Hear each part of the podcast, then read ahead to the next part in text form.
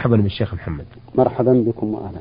آه شيخ محمد في لقاء من لقاءاتنا استعرضنا رسالة من إسحاق محمد نور حامد آه الحاج. يسأل آه عدة أسئلة وقد عرضنا بعضها ومن ضمن هذه الأسئلة يقول هل يجوز آه هل يجوز للمسلمين أن يسمحوا للمسيحيين أن يبنوا كنائس داخل بلادهم ويقيموا شعائرهم فيها؟ الحمد لله رب العالمين والصلاة والسلام على نبينا محمد وعلى آله وأصحابه أجمعين. وبعد فإن هذا السؤال سؤال هام جدا.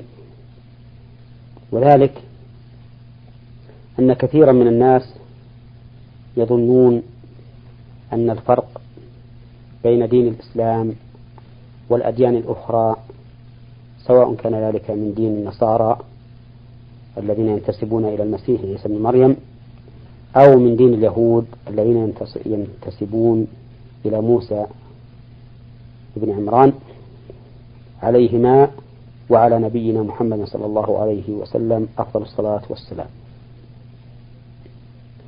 يظنون أن الفرق بين هذه الأديان الثلاثة وغيرها أيضا مما يدين به العالم كالفرق بين مذهب ومذهب في ملة واحدة. وهذا ظن خطأ. وذلك أن العباد كلهم عباد الله تعالى هو خالقهم ورازقهم وهو الذي أعدهم وأمدهم وهم وهو الذي يكون إليه المرجع ويكون لديه الحساب يوم القيامة.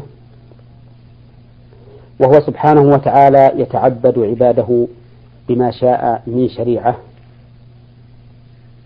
ويمحو الله تعالى ما يشاء ويثبت ولكنه سبحانه وتعالى بين في كتابه العزيز الذي أنزله على محمد صلى الله عليه وسلم أن من يبتغي غير الإسلام دينا فلن يقبل منه والإسلام هو الشريعة. التي شرعها الله تعالى لعباده في كل زمان وفي كل مكان.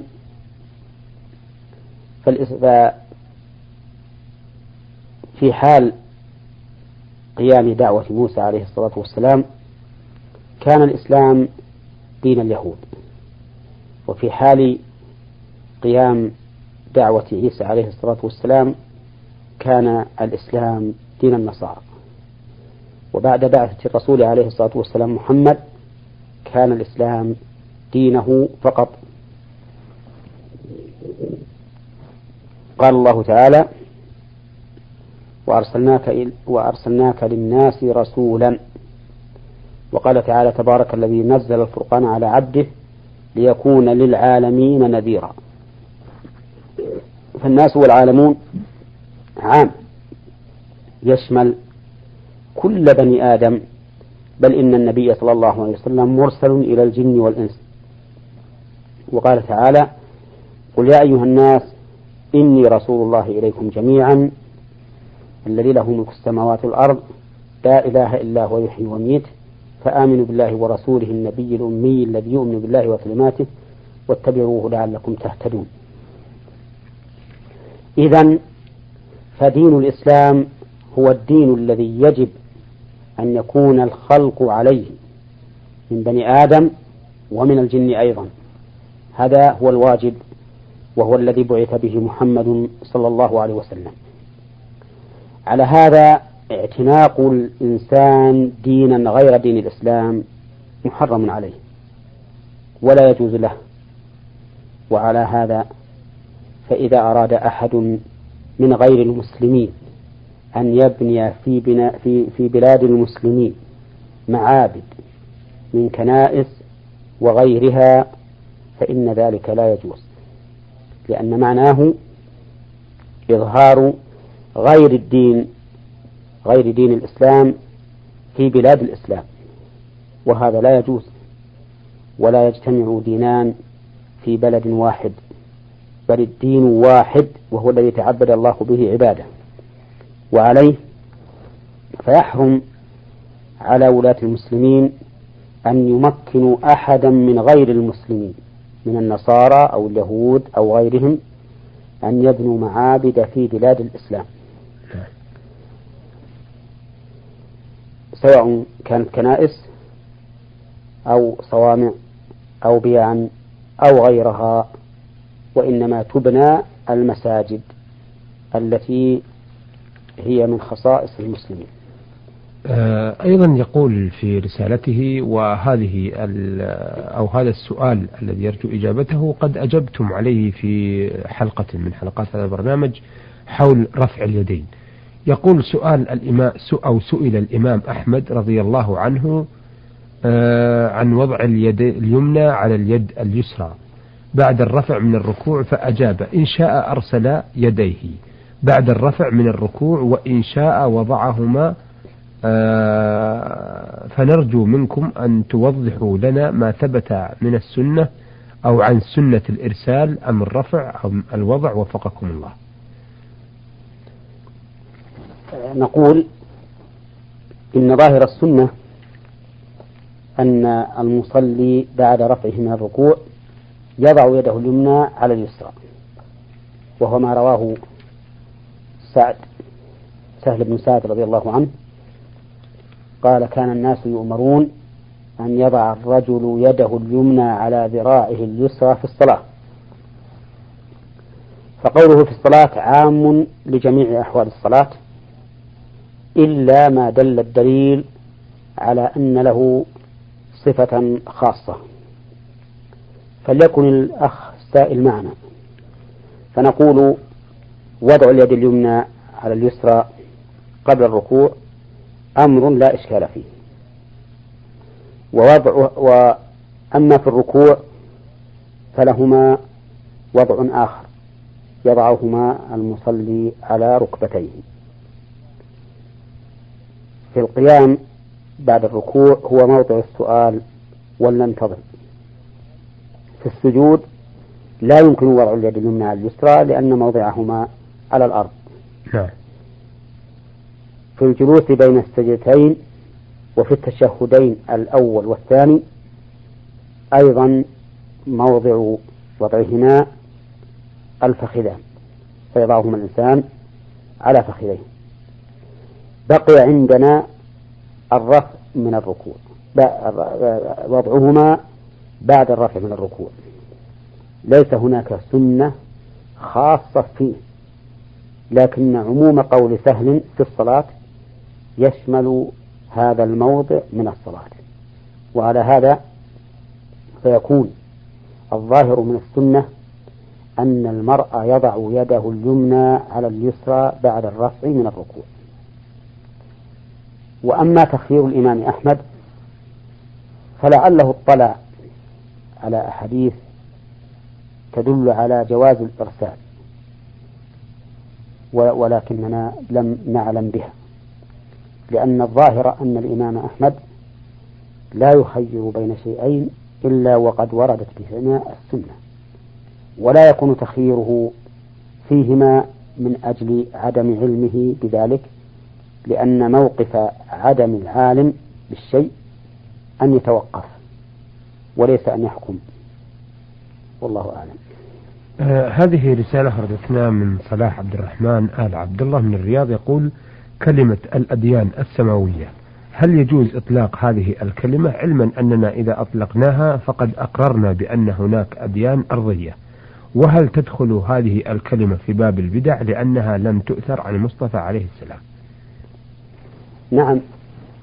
نقول الأديان السماوية لأن هناك أديان أرضية. لأن هناك أديانا أرضية. نعم. لأن الدين ما دان به العبد ربه. سواء كان من شريعة الله سبحانه وتعالى أم من شرائع البشر. ومن المعلوم أن هناك أناسا يدينون بغير دين شرعي يعتقدون ديانة. أن يسجدوا للبقر وأن يسجدوا للصنم وغير ذلك والله تعالى لم يشرع هذا في أي كتاب كان ولا على لسان أي رسول كان. وعلى هذا فهذه الديانة التي يدينون بها ليست من شريعة الله فليست سماوية. وأما الأديان السماوية فهي التي شرعها الله عز وجل. لأنها نزلت من السماء إلا أنه يجب أن يعلم القا... أن يعلم السائل وغيره أن جميع الأديان السماوية منسوخة بالدين الإسلامي وأنها الآن ليست مما يدان به لله عز وجل لأن الذي شرعها ووضعها دينا هو الذي نسخها بدين محمد صلى الله عليه وسلم. وكما أن النصارى مقرون بأن دين المسيح قد نسخ شيئا كثيرا من دين موسى عليه الصلاة والسلام وأنه يجب على أتباع موسى عليه الصلاة والسلام أن يتبعوا عيسى. فإننا كذلك أيضا نقول إن الإسلام ملزم للنصارى أن يدينوا به ولجميع الأمم أن يدينوا بالإسلام لأن العبرة بالمتأخر فالمتأخر من شريعة الله. وقد قال الله تعالى عن عيسى إنه قال لقومه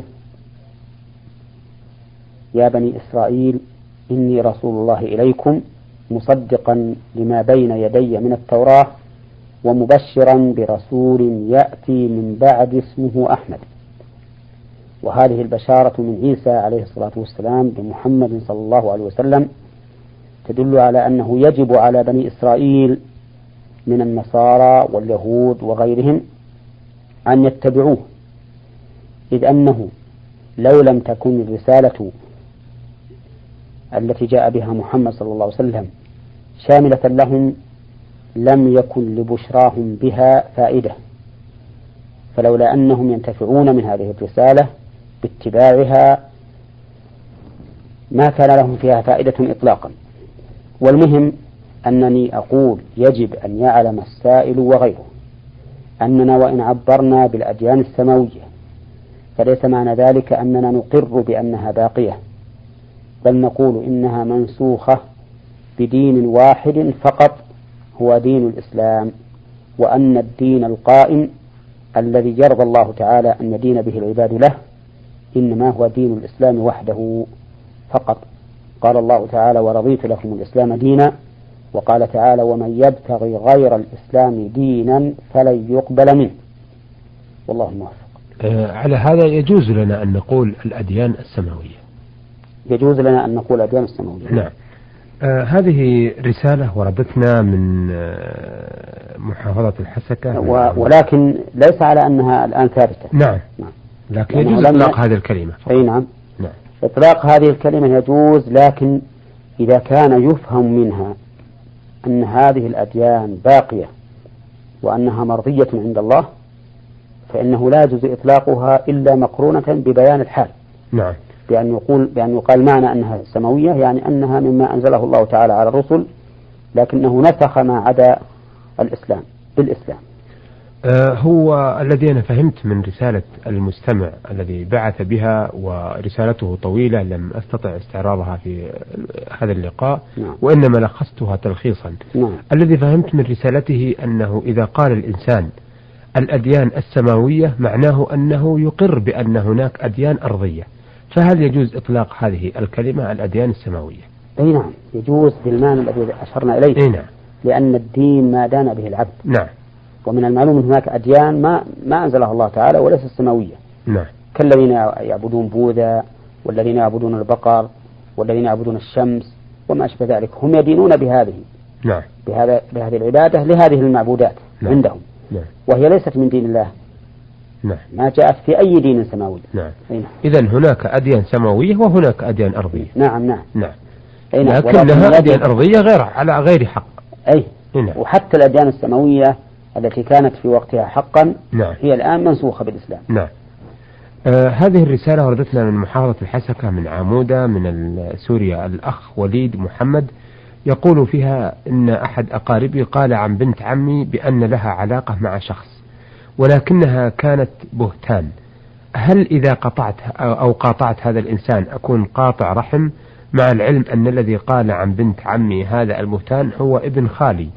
وثم أنه قبل أن يقوم بها يقول بهذا البهتان كنت قد أهديته مصحف صغير وكتاب علمي ومع العلم أيضا أن هذا الإنسان لا يصلي ولا يصوم إلى آخره وعندما حدث ذلك أخذتهم منه ولا أتكلم معه منذ ذلك اليوم ما حكم إرجاع الهدية من المهدي آه، والمهدى وأخذها من المهدى إليه وخاصة في مثل هذا الشخص. مجرد معصية القريب لا يسيغ لقريبه أن يقطع رحمه. بل قد قال الله تعالى في الوالدين وإن جاهداك على أن تشرك بي ما ليس لك به علم فلا تطعهما وصاحبهما في الدنيا معروفا. وكذلك القريب لا تنقطع صلته بمعصيته. لكن هذا السائل ذكر أن ابن خاله ارتد عن الإسلام والعياذ بالله نعم. بعدم صلاته وصيامه. والمرتد لا يجوز إبقاؤه على قيد الحياة إلا أن يعود إلى الإسلام. وعلى هذا فمقاطعته لا بأس بها لأنه لا حق له في الوجود فضلا عن أن يوصل بالموجود. ولكن مع هذا نرى أن من الواجب عليك معالجة هذا الداء الذي هو مهلك له بأن تذهب إليه وتدعوه إلى الله عز وجل وتنصحه بالنصيحة الواجبة. أما عودك في هديتك فإنه لا يجوز لك لأن رسول الله صلى الله عليه وسلم يقول العائد في هبته كالكلب يقيء ثم يعود في قيئه. وهذا القريب الذي أهديت له ما أهديت ملك ما أهديته بالقبول والقبض فصار من جملة ماله فإذا رجع إلى الإسلام فملكه باق على ماله وإذا وإذا بقي مرتدا وقتل على ارتداده فإن ماله يكون لبيت مال المسلمين نعم. وعلى كل حال فالواجب عليك بل حرام عليك أن ترجع في هديتك في مثل هذا الحال. نعم, نعم.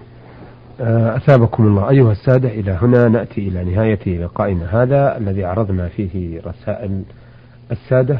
آه، إسحاق محمد نور حامد الحاج ويسأل عن إقامة الكنائس والشعائر في ديار المسلمين و